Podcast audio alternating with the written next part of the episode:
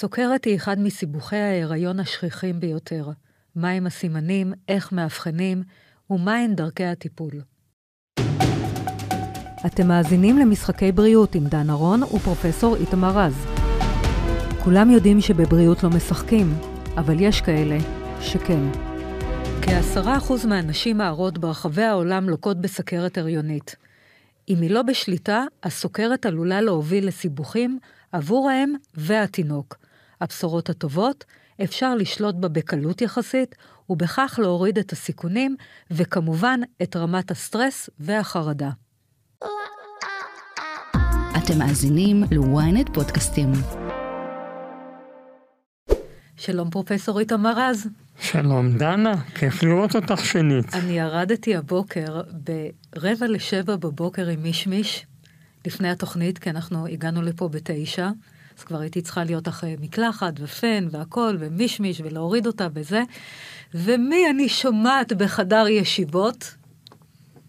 אני חושב שרק אותי את יכולה לשמוע בשעות כל כך מוקדמות בחדר הישיבות. מה אתה עושה בשבע בבוקר בחדר הישיבות בלובי בבניין? יש לי מישהי שמנהלת אותי, קוראים לה אילנה, והיא קובעת לי פגישות החל מארבע בבוקר ובהמשך... כאילו, אני לא האמנתי למה שאני שומעת. אז דברי עם אילנה, אל תשאלי אותי, אני עושה מה שהיא אומרת לי לעשות. תאמין לי, חרוץ כמוך, אני, אם אני הייתי מתלווה אליך שעתיים ביום שלך, אני הייתי אחרי זה צריכה לישון אולי 16 שעות. אולי זה, זה יפתור לי את בעיות השינה. אוקיי, בואי נעשה ניסיון. בואי נתחיל היום. בואי כן, נתחיל לגמרי. עכשיו בשידור. והתלבטתי האם לדפוק בדלת ולהציץ, אבל אמרתי, לא, די, רבע לשבע בבוקר אני אתקתק את מישמיש וילך לעשות פן.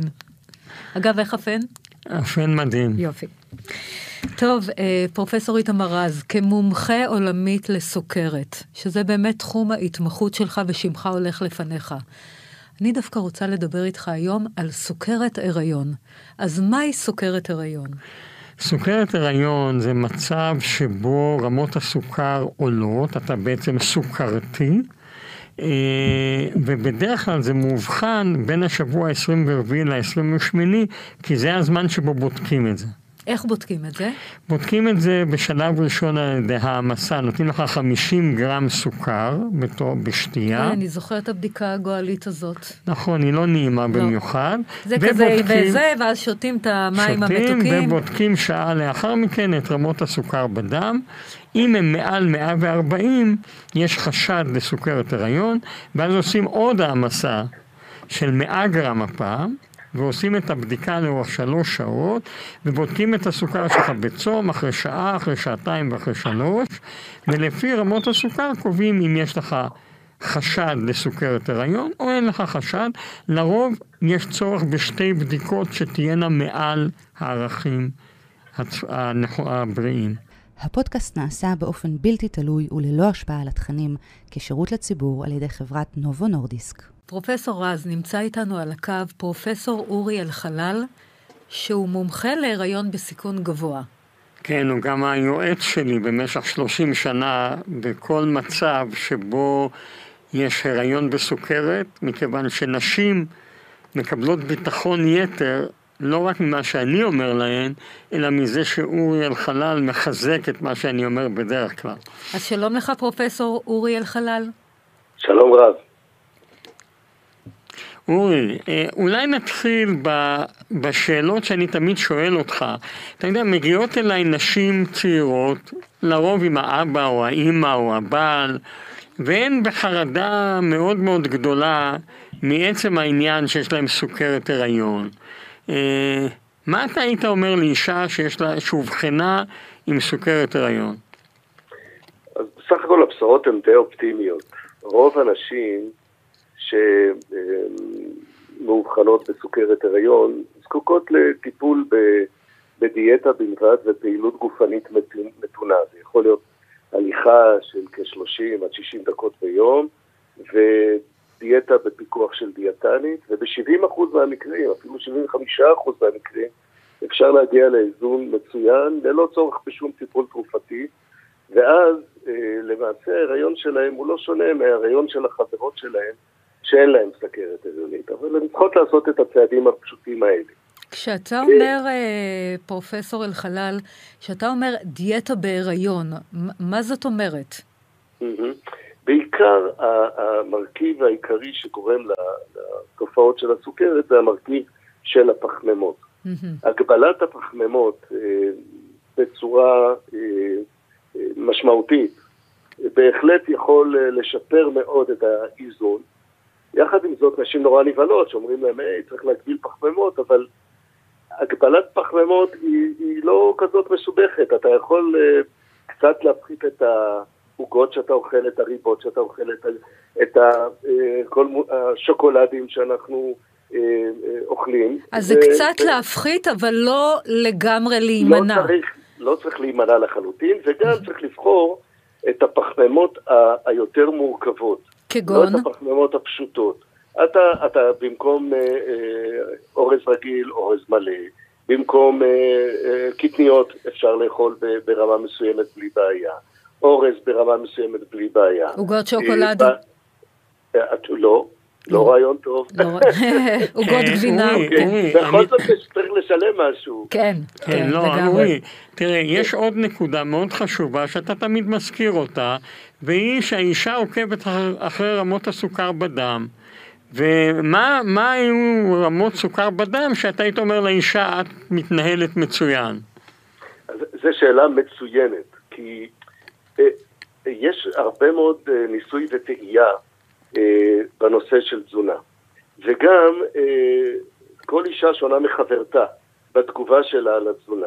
ברגע שהאישה עושה בדיקות, היא בדרך כלל אישה שיש לה סוכרת עירונית, אנחנו מבקשים כשהיא לא מקבלת טיפול תרופתי, לבדוק ארבע פעמים ביום את רמות הגלוקוז שלה. היא בודקת uh, בצום, ושעה אחרי ארוחת בוקר, צהריים וערב, והערכים שאנחנו מבקשים שהיא תהיה זה 95 בצום, ו-140 שעה אחרי כל ארוחה. במידה והיא עומדת ביעדים האלה, היא מאוזנת מצוין, והסיכויים שלה לסבול מאיזשהם סיבוכים שקשורים להיריון הם, הם קטנים ביותר, והיא כמו כל שאר החברות שלה שהם ללא סוכרת הריון. יש דרך... יחד עם זאת, כן. יחד עם זאת, סליחה. לפעמים זה איזה מין, אה, אה, רמז, לא רמזור, אבל איזה רמזור אדום, שפתאום אישה מגלה שאוכל שהיא חשבה שהוא אוכל מאוד אינוסנטי, לדוגמה פיצה. אה, היא אוכלת פיצה, הייתה אומרת, אוקיי, מה יש בפיצה? מה, קצת אה, בצק וקצת... אה, אה. ופתאום היא רואה שזה מקפיץ לה מאוד. Mm-hmm. למה זה מקפיץ לה מאוד? א', הקטשופ, הרבה פעמים יש בו המון סוכר, אחד. שתיים, הבצק של הפיצה גם מכיל הרבה, הרבה פעמים הרבה מאוד סוכר. אורי, אני רוצה לשאול אותך עוד שאלה. תראה, יש גבולות. עכשיו באים לרופא, ואנחנו התנסינו עם זה, שלאישה יש בצום 96 או 97, והרופא אומר לה, את צריכה אינסולין. והאישה לא רוצה לקחת אינסולין, היא נרתעת מזה. האם אנחנו צריכים להיות כל כך מדויקים על סמך מחקרי ענק שמראים ש-95 יותר טוב מ-97, או שאנחנו יכולים להגיד גם 97 ב-98 בצום, 99 אחוז שההיריון והלידה, הכל יהיו כמו אצל אישה בריאה. לגמרי, אתה צודק לגמרי, לא רק זה, יש לנו כלים אחרים אה, בזמן ההיריון להתחקות אחרי האיזון של הסוכרת. אחד מהם זה האולטרסאונד. באולטרסאונד, במידה והסוכרת לא מאוזנת, אנחנו נראה בדרך כלל היקף בטן קצת יותר גדול של התינוק, וזה בגלל הגליקוגן שמצטבר לו בכבד, פלוס רקמת שומן בבטן שלו, וגם נראה ריבוי מי שפים. אם אנחנו רואים עובר שהמשקל שלו יושב בתחום הנורמה במהלך ההיריון, וכמות מי השפיר שלו תקינה, ובסך הכל מה שאנחנו רואים זה רק ערכים מעט גבוהים בצום, אין לזה מבחינתי שום משמעות, ובוודאי שלא צריכה לקבל טיפול באינסולין, טיפול בדיאטה מספיק. אני, אבל, אבל אתה נגעת במשהו, אני עוד חייבת לגעת בזה, לא, לא, אתה יודע, אני לא הייתי במודעות בכלל. סוכרת הריון, טיפול באינסולין. אינסולין לא יכול לפגוע בתינוק? בעובר? לא, לא. חלילה, לא, לא. לא? כל מה שהאינסולין עושה, הוא כן. מוריד את רמות הסוכר בצום בבוקר.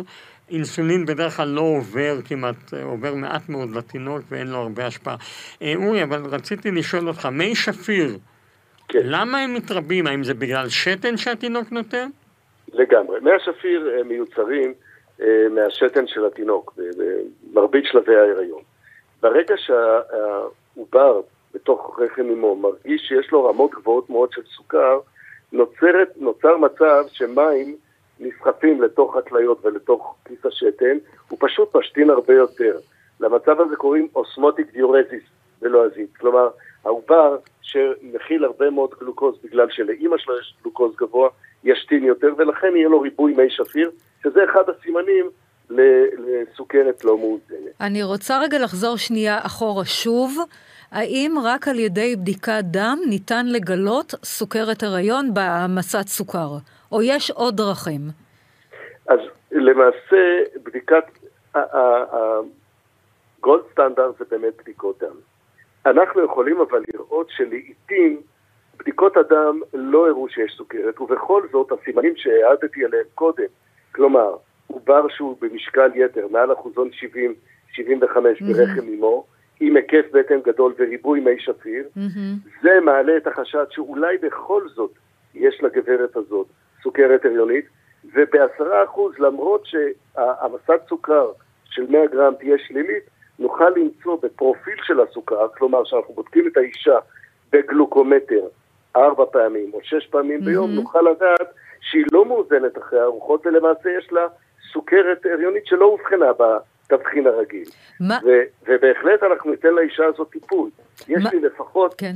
אה, כעשרה אחוז מהנשים שמגיעות אליי עם בדיקות שהן היו תקינות, ואני מוצא אצלם בפרופיל בגלל אה, זה שאני מוצא באולטרסאונד את הסימנים המחשידים, אנחנו מוצאים שיש להם סוכרת והן זקוקות אפילו לטיפול תרופתי, לא רק לטיפול בדיאטה. רגע, דנה שנייה. כן. אורי, למה, למה מתחילים בשבוע 24-28? הרי יכול להיות מצב שאישה למשל היה לה סוכרת הריון פעם קודמת והיא נכנסת לתוך ההריון עם סוכרת. או יכול להיות מצב שאישה תפתח סוכרת כבר בגיל שיש, שישה שבועות של התינוק מצורה זאת או אחרת. למה, למה, למה לא עושים איזושהי בדיקה אקראית כדי לדעת שלא פספסנו את הסוכרת אצל אף אחת מהנשים בהיריון? כרגיל פרופסור רז, שאלות מצוינות. לגבי אה, שבוע 24 עד 28, אישה שיש לה בעבר, שיש לה גורמי סיכון לסוכרת, כלומר אישה שהיה לה סוכרת הריון בעבר, אישה שעם השמנת יתר מאוד קשה, אישה שהיה לה עובר שחס וחלילה נפטר, אישה שילדה מעל 4 קילו, עובר מעל 4 קילו, מקובל לעשות לה העמסת סוכר כבר בטרימסטר הראשון, בביקור הראשון שהיא מגיעה. למי אנחנו עושים את ה... העמסת סוכר בשבוע 24 עד 28, לכל אותן נשים שאין להן רקע כזה, שאין להן גורמי סיכון לפתח סוכרת. להם אנחנו עושים בשבוע 24-28, למה? ההורמונים של ההיריון, במיוחד הורמון HPL, המקסימום שלו הוא בערך בשבועות האלה, ואלה ההורמונים שמתנגדים לאינסולין. אם אנחנו נעשה את זה לפני כן, אנחנו נפספס חלק גדול מהאנשים. לכן אנחנו משתדלים לעשות את זה בשבועות האלה. אבל יש לנו גם עוד שסתום ביטחון. חלק מהנשים נכנסות להיריון שהן כבר עם סוכרת מסוג 2 והן לא מודעות לזה. לכן, אחת מבדיקות השגרה בטרימסטר הראשון של ההיריון זה בדיקת גלוקוז בצום. ואם אנחנו רואים שבבדיקת גלוקוז בצום הערך של הגברת הוא גבוה, נניח מעל 100, מיד היא תיכנס למעקב, נעקוב אחריה mm-hmm. או בפרופיל או שנעשה לה העמסת סוכר. כלומר, יש לנו, אנחנו לא מסתמכים רק על השבוע 24 עד 28, אלא יש לנו גם כמה פרמטרים שאנחנו בודקים את זה קודם לכן. אני רוצה רגע לדבר על הסיבוכים הקשורים בסוכרת הריון. כן, אז אה, אנחנו צריכים לחלק את זה סיבוכים לאימא וסיבוכים לילוד. אז בוא נדבר בתחילה עם האם. אז, אז הסיבוכים שקשורים לאם הם בעיקר אה, סיבוכים שקשורים בזמן ההיריון בגודל של העובר. הרבה פעמים העוברים שהם סוכרתיים הם עוברים גדולים מה, ממה שהם צריכים להיות. הם יכולים להיות uh, מעל 4 קילו, ואז בלידה עצמה uh, יכול להיות מצב שנקרא לידה קשה. לידת הכתפיים, לידה קשה, כן. לידה טראומטית, עם פרע לידת כתפיים, שבו קשה מאוד לחלץ את הכתף של העובר, דבר שיכול לגרום לנזק. למקלעת שנקראת המקלעת הברסיאלית של היד, ואפילו לעיתים נדירות לשיתוק של היד בגלל אה, אה, פגיעה תוך כדי העילות אה, בעובר. מעבר לזה יש טראומה מאוד גדולה לאם, שהיא צריכה אה, ללדת בתעלת הלידה תינוק שהוא גדול, עם כן. קרעים, עם חוסר שליטה בעתיד אה, היותר רחוק שלה, בשנות ה-40 וה-50, על השתן, על חס וחלילה גם יציאות אחרות. ונזק בכלל לאגן בגלל לידה כזאת. אני, אני שמעתי גם ש... מה עם, מה עם רעלת הריון? אורי, מה עם רעלת הריון? מה האחוז? בוודאי, בוודאי. זה דבר אחד בלידה. נשים כאלה יש להן יותר רעלת הריון, יותר לידות מוקדמות, יותר אה, אה, מצבים של אה, יתר לחץ דם גם בלי רעלת, אבל בוודאי רעלת ולידות מוקדמות, ולכן אה, איזון טוב שלהם מפחית בצורה משמעותית גם את רעלת ההיריון, גם את הניתוחים הקיסריים, גם את הלידות המוקדמות וגם את הלידות הטראומטיות. אני הבנתי שגם רגע, יכולות להיות לנו. דלקת בדרכי השתן ופטרת הנרתיק. יש כן, יש הרבה דלקות. כן, לא, אבל הרעלת הריון זה בעיה מאוד מאוד קשה. אולי תפרט בכמה מילים את נושא רעלת הריון. מה זה רעלת הריון? מה מרגישה אישה? בוא נתחיל עם זה. סליחה, לא הבנתי. מה, מה מרגישה אישה שהיא נכנסת לחלילה תהליך של רעלת הריון? רעלת הריון. ורעלת הריון, קודם כל זו בעיה שהיא כלל גופית, היא לא קשורה רק להיריון עצמו, והתופעה הזאת יכולה לגרום לעלייה בלחץ דם, עלייה משמעותית ביותר, עם הופעה של חלבון בשתן, עם תחושה של בצקות קשות מאוד, גם בגפיים, גם בפנים, גם בידיים, עלייה מאוד מאוד מהירה במשקל שהיא לא בגלל משקל של מסת גוף, אלא בגלל אה, צבירת נוזלים. אה, היא בעצם מתנפחת, זה מה שאתה אומר, כן. כאילו כמו מתנפחת, נכון, כן. נכון. במקרים הקיצוניים אה, יכולים להופיע גם אה, מצב שנקרא אקלמסיה, שבו יש פרקוסים, אה, דימום מוחי, אה, חס וחלילה שיתוק שיכול לקרות בעקבות הדימום המוחי, אה, ואפילו... אה, מקרי מוות. מה עושים במקרים כאלה? רגע, לא, השאלה היא אחרת. כן. באיזה מצבים ניילד, איזה סוג של רעלת הריון תגרום לנו ל... לילוד מוקדם. לזירוז הלידה, כן. כן, לילוד מוקדם יותר, להשראת לידה. באופן עקרוני, ישנם פרמטרים שאנחנו עוקבים אחריהם. במידה ולחץ הדם הופך להיות לחץ דם מאוד מאוד גבוה, מעל 160 על 110, מופיע טשטוש ראייה הרבה פעמים. כאבי ראש עזים, כאבים ברום הבטן שמקורם מהנתיחה של הקפסולה של הכבד מהבצקת הגדולה שלו. אם uh, מופיע uh, האטה בגדילה של העובר, שהיא גם יכולה להיות איזושהי תופעת לוואי של הרעלת הריון. או uh, אורי, או מצוקת עובר. או מצוקת עובר, שזה, שזה בעקבות זה שהוא לא מקבל מספיק אספקת דם. במה מתבטאת מצוקת עובר, אורי? בדופק אנחנו, שלו? אנחנו רואים uh, במוניטור האטות בדופק, ובאולטרסאונד אנחנו יכולים לראות שינוי בזרימות לעובר, גם מחבל הטבור וגם במוח שלו, שאנחנו יכולים לאתר שהעובר הזה לא מקבל את uh, כמות החמצן שהוא צריך לקבל, אבל uh, במוניטור אנחנו הרבה פעמים רואים האטות בדופק, שמחייבות אותנו לילד את האישה או לנתח אותה אם המצב הוא ממש קריטי. אורי, האם זה מצב נדיר? לצערי בסוכרת יש בערך פי שלוש רעלת הריון מאשר באופן רגיל. אם היחס, אם אה, באוכלוסייה הכללית יש כשלושה אחוז אה, רעלת הריון, אז בנשים שסובלות מסוכרת זה יכול לעלות לשבעה שמונה אחוז. הפודקאסט נעשה באופן בלתי תלוי וללא השפעה על התכנים כשירות לציבור על ידי חברת נובו נורדיסק. יש השפעות אה, של סוכרת הריון על העובר כשהוא נולד? הוא, הוא בעצם פוטנציאל כן. לפתח סוכרת? כן, כן. יש, יש את ההשפעות המיידיות, שהרבה פעמים, בגלל שהוא היה חשוף לרמות מאוד מאוד גבוהות של סוכר, הוא מפתח רמה גבוהה של אינסולין. Mm-hmm. וכשהוא נולד, וכבר אין לו את רמות הסוכר הגבוהות, הגבוהות האלה, הוא יכול לעשות מצב של היפוגליקמיה, והיפוגליקמיה ממושכת יכולה לגרום גם למצב אה, של פגיעה מוחית, לטווח. ארוך, עד כדי CP. וזה דבר שיכול לקרות, זה נדיר מאוד, בטח בסוכרת הריון. זה יותר שכיח בסוכרת פרומרלית, אבל לעיתים בסוכרת הריון קשה, מטופלת בתרופות, אפשר לפעמים להגיע, כשהאישה לא מאוזנת, להגיע למצבים. אורי, הוא גם נולד אה, כפג, לא? והוא לפעמים נולד גם עם הפרעות... הרבה אה, פעמים... כפג? לא כגדול? לא, הוא גדול. אבל הוא מתנהג כמו פג. אה, פג כי הוא נולד לפני הזמן, טרם לא, זמנו? לא, לא, לא, לא. אז לא הבנתי. אז בואו נקשיב לפרופסור. אני חייבת לדייק את זה. כן. ריאות העובר הן אה, מבשילות בדרך כלל אה, לקראת סוף ההיריון. אצל... שסוף אה, ההיריון נשים מה אומר? סוף חודש שמיני או סוף חודש תשיעי? בדרך כלל אחרי שבוע 36, 7, 8, הריאות כבר הן בשלות וה- והתינוק יכול... אז אמצע תשיעי. משהו כזה. אוקיי. אנחנו סופרים בשבועות כבר מזמן. טוב, אני בכל זאת ילדתי. בשנות התשעים. אני יודע. אוקיי. אוקיי. כי מי שמדבר איתי בחודשים, אני יודע כן. שהוא אה, מתקופת הדינוזאורים. לא, אם את דינוזאור, אז אני הפרה-היסטוריה. אוקיי. אז, אה, אוקיי, אה, מ-38 ככה, כן. אז לעומת זאת, תינוקות שהן לאימהות סוכרתיות, הבשלת הריאות שלהן מאוחרת יותר. זאת אומרת, יכול להיות שהן יאובחנו עם, עם מצוקה נשימתית של היילוד, שמתאימה לשבוע 34-35, למרות שהן נולדו בשבוע 38. הבנתי. ככל שהוא 39, ככל הוא כאילו בדיליי, בדיליי בהתפתחות. העובר, כן. ככל שהאישה מאוזנת יותר טוב, ככה התופעה הזאת יותר נדירה.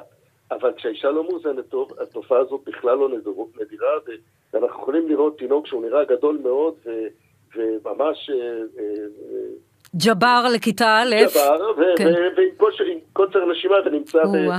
ב- במצב שהוא צריך לקבל אה, תוספת של חמצן. אה, ברור, אה, אורי, גם דברים. אחרים. אורי, צהבת ממושכת. צהבת בהחלט, יכול להיות גם טרומבוס, זאת אומרת מצב של, של ריכוז של, של דם גבוה אצל אותו, אצל אותו עובר. כל אלה יכולים לקרות אחרי הלידה, אבל הצהבת בדרך כלל חולפת מאליה. לפעמים הלב של העובר קצת יותר גדול אה, כשהוא נולד, בגלל שהוא קיבל יותר מדי סוכר. התופעה הזאת חולפת בדרך כלל תוך שלושה עד שישה חודשים, ולא משאירה שום סימנים. אה, אבל צריך אה, בכל זאת, אני רוצה קצת להרגיע, כי אמרנו המון דברים מבהילים. הדברים האלה הם נדירים.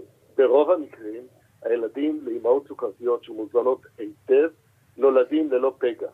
וברוב המקרים, נשים שמוזנות היטב, העובר שלהם לא גדול בזמן הלידה, ילדו כמו אישה רגילה. ואישה, רגע, סליחה פרופסור.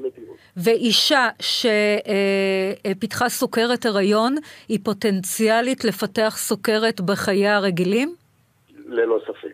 אה, גם כן? סוכרת, גם השמנת יתר, גם יותר מחלות לב וכלי דם. אז היא צריכה להיות במעקב מאז? כן. כן? כן, כן. כן, גם אה, יותר מחלות לב וכלי דם, גם מחלות כליה ב- בעתיד. הנשים האלה הם, אה, הם prone, הם אה, כאילו אה, פוטנציאליות, מועדות. פוטנציאליות כן. מועדות לפתח תחלואת יתר, ולכן חשוב מאוד שרופא המשפחה ידע על זה שהיה לה סוכרת הריון, כי יש אפשרות למנוע או לדחות את התופעות לחלוטין. או-אה. וזה מסר מאוד מאוד יפה. חשוב. חשוב אישה מאוד. ששומרת על אורח חיים בריא, אוכלת כמו שהיא אכלה בזמן ההיריון, גם לא בהיריון, עושה את הפעילות הגופנית הנדרשת, שומרת על משקל גוף כמה שיותר אידיאלי לצרכים שלה, מטופלת בטיפול תרופתי, נניח מטפורמין, אם היא אפילו קצת יותר גבוהה, אבל לא הרבה יותר גבוהה. כל הדברים האלה יכולים להפחית את התחלואה ב-50% או יותר, או למנוע לחלוטין את הסוכרת. ואם היא רוצה. הריון הבא, היא צריכה להיערך בצורה מסוימת? היא רוצה עוד הריון? אצל, במיוחד אצל נשים עם השמנת יתר, חשוב מאוד שהן תרדנה, וסוכרת, חשוב מאוד שהן תרדנה במשקל לפני ההיריון, הדבר הזה משפר פלאים את התוצאות של ההיריון, וזה אחד ה, ה, אה, הדרישות שלנו מנשים, אה, שאם הן רוצות להיכנס להיריון ולא לפתח את אותם סיבוכים שהיו להם בעבר, וזה היה מלווה גם בהשמנת יתר, לנסות לרדת במשקל בצורה משמעותית. תלוי כמובן במשקל של האישה, אבל לרדת במשקל בצורה משמעותית ישפר לה מאוד את התוצאות של ההיריון הבא. אני יכולה רק, רק שאלה אחת אה, קצרה, גם נשים רזות יכולות לפתח סוכרת הריון? ללא ספק. אין לזה, אה, אה, ללא ספק, זה יכול, זה יכול לקרות. בדרך כלל לאותן נשים יש רקע משפחתי של סוכרת מסוג 2, או אה, הפרעות אחרות שגרמו לזה שהלבלב שלהם לא מגיב טוב מספיק לפחמימות. אבל יש קורלציה בין השמנת יתר לבין סוכרת. זאת אומרת, הבנתי. ההיארעות של סוכרת הריון יותר גבוהה בנשים אה, עם משקל יתר מאשר נשים שהן רזות. טוב, אורי, קודם כל, אה, תודה רבה. אני, אני רוצה לסכם, לפני שאני מעביר את זה לדנה, אה, כמה דברים. קודם כל, סוכרת הריון זה דבר יחסית נפוץ. מדברים על בין חמישה לעשרה אחוזים. ובהחלט חשוב לעקוב אחרי זה. בנשים בסיכון גבוה לסוכרת, אה, למשל שני הורים סוכרתיים, אישה במשקל יתר וכך הלאה, יש מקום לעשות אפילו בדיקות מוקדמות יותר, זה דבר אחד. הדבר השני, שאפשר לטפל בסוכרת הריון לרוב על ידי אה, תזונה נכונה ופעילות גופנית, וכשאתה עושה את זה, סיכוייך לסיבוכים של העובר או של האם נמוכים באופן דרמטי. למעשה, כמעט הריון תקין. דבר נוסף, סביבה סוכרתית לעובר, זאת אומרת עובר שיגדל בסביבה סוכרתית, סיכוייו לפתח סוכרת בעתיד עולים בצורה משמעותית. ולכן המשמעות היא, אחד, גילוי מוקדם ככל האפשר, שניים, טיפול מוקדם ככל האפשר, כפי שאתה הזכרת. הטיפול המוקדם צריך להתרכז בהורדת הסוכר וגם במניעת עליית המשקל. ואם האישה מתייחסת לדברים האלה כפי שצריך, בדרך כלל היא תוכל להגיע להיריון בריא ביותר. במצבים חריגים יש מקום לתת תרופות. דנה. אה, לא נגענו בדבר אחד, חרדה. חרדה שמלווה אישה שמגלה שהיא בסוכרת הריון. מה עליה לעשות? תראי, אני, דנה, אני כן. אענה על זה, כמובן ניתן כן. גם לפרופסור אלחנן. תראי, מה שאני עושה כן. אצל הנשים שמגיעות אליי, אני מרגיע אותן. אני איך? אומר, אני מסביר להן שלא קרה שום דבר, שעל ידי אורח חיים בריא, קודם כל, התינוק יישמר, הכל יהיה בסדר, הלידה תהיה מצוינת, העתיד של התינוק, שזה הדבר הכי חשוב לאישה, יהיה מצוין, וכמו שאמר פרופסור אלחלל, אם זה נורה שאת תתייחסי אליה על ידי אורח חיים בריא, עם או ללא תרופה כזאת או אחרת, אז גם את תשמרי שנים רבות שלא יהיה לך סוכרת. דרך אגב, 50% מהאנשים לא יפתחו סוכרת, אבל 50% כן יפתחו סוכרת במהלך חייהן, והמשמעות היא להיות זהירה יותר. ברגע שאתה מעביר את זה לאישה, ברגע שאתה מסביר לה שהיא יכולה לשלוט במהלך הזה ללא צורך בתרופות נוספות, עם, עם uh, תוצאה יוצאת מן הכלל טובה, הנשים נרגעות מאוד, בני משפחותיהם נרגעים מאוד. יפה מאוד. אורי, פרופסור אלחנן, משהו להוסיף על נושא הרגעת האישה. אני, אני חושב שההיריון בעניין הזה הוא חלון הזדמנויות בלתי רגיל שאין לגברים. וברגע שאתה מעביר את זה לאישה, שהנה, נקרתה ב, ב, בדרכך הזדמנות נפלאה לשפר גם את אורך החיים שלך וגם את אורך החיים שלך ללא תחלואה. כי הנה, גילינו שהלבלב שלך לא עומד בעומס של פחמימות. בואי תשני את אורח החיים. מניסיוני אני ראיתי נשים שראו בזה הערה. הם אה, אה, שינו את אורח חייהן, שינו את אורח חיים לכל הבית, כי אם לאימא יש סוכרת, גם לילדים שלה יש סיכוי לסוכרת. כל החיים בבית השתנו בעקבות זאת, ואני אומר, צריך להפוך את הלימון ללימונדה. וברגע שאתה, במקרה הזה זה קצת בעייתי הקונוטציה הזאת לסוכר, אבל, אבל הלימונדה בלי סוכר, בסדר? כי אתה, ברגע שאתה אומר לאישה, תראי, עכשיו אנחנו יודעים שיש לך את ה... שיש אה, פוטנציאל ואת יכולה, כן, בדיוק, כן. את יודעת את זה, בואי תשני את אורח החיים. אני רואה אה, מנשים רבות תגובות מאוד חיוביות, לא של חרדה, אלא של התגייסות. יפה מאוד. פרופסור אלחנן, פרופסור אלחנן, תודה רבה, השכלת אותנו מאוד. תודה, תודה, לכבוד הוא לי, פרופסור רז. מורי ורבי, פרופסור רז. תודה רבה, פרופסור אורי אלחלל, מומחה להיריון בסיכון גבוה. תודה, ושנהיה אה, בריאים, ושהתינוקות שלנו יהיו בריאים, והעיקר הבריאות, כמו שאומרים. תודה רבה לך, יום טוב. אמן ואמן. טוב, פרופסור איתמר רז. תודות. אני רוצה להגיד תודות לצוות שלנו. אז בוא נגיד תודה לבימאי שלנו, גידי ישראלי, למפקח הטכני טל אתחדיה, למפיקה שלנו, קשת מאירוביץ', ולעורכת על חלל שלנו, הגר כוכבי. תודה רבה לכם. תודה רבה. הפודקאסט נעשה באופן בלתי תלוי וללא השפעה על התכנים, כשירות לציבור על ידי חברת נובו נורדיסק.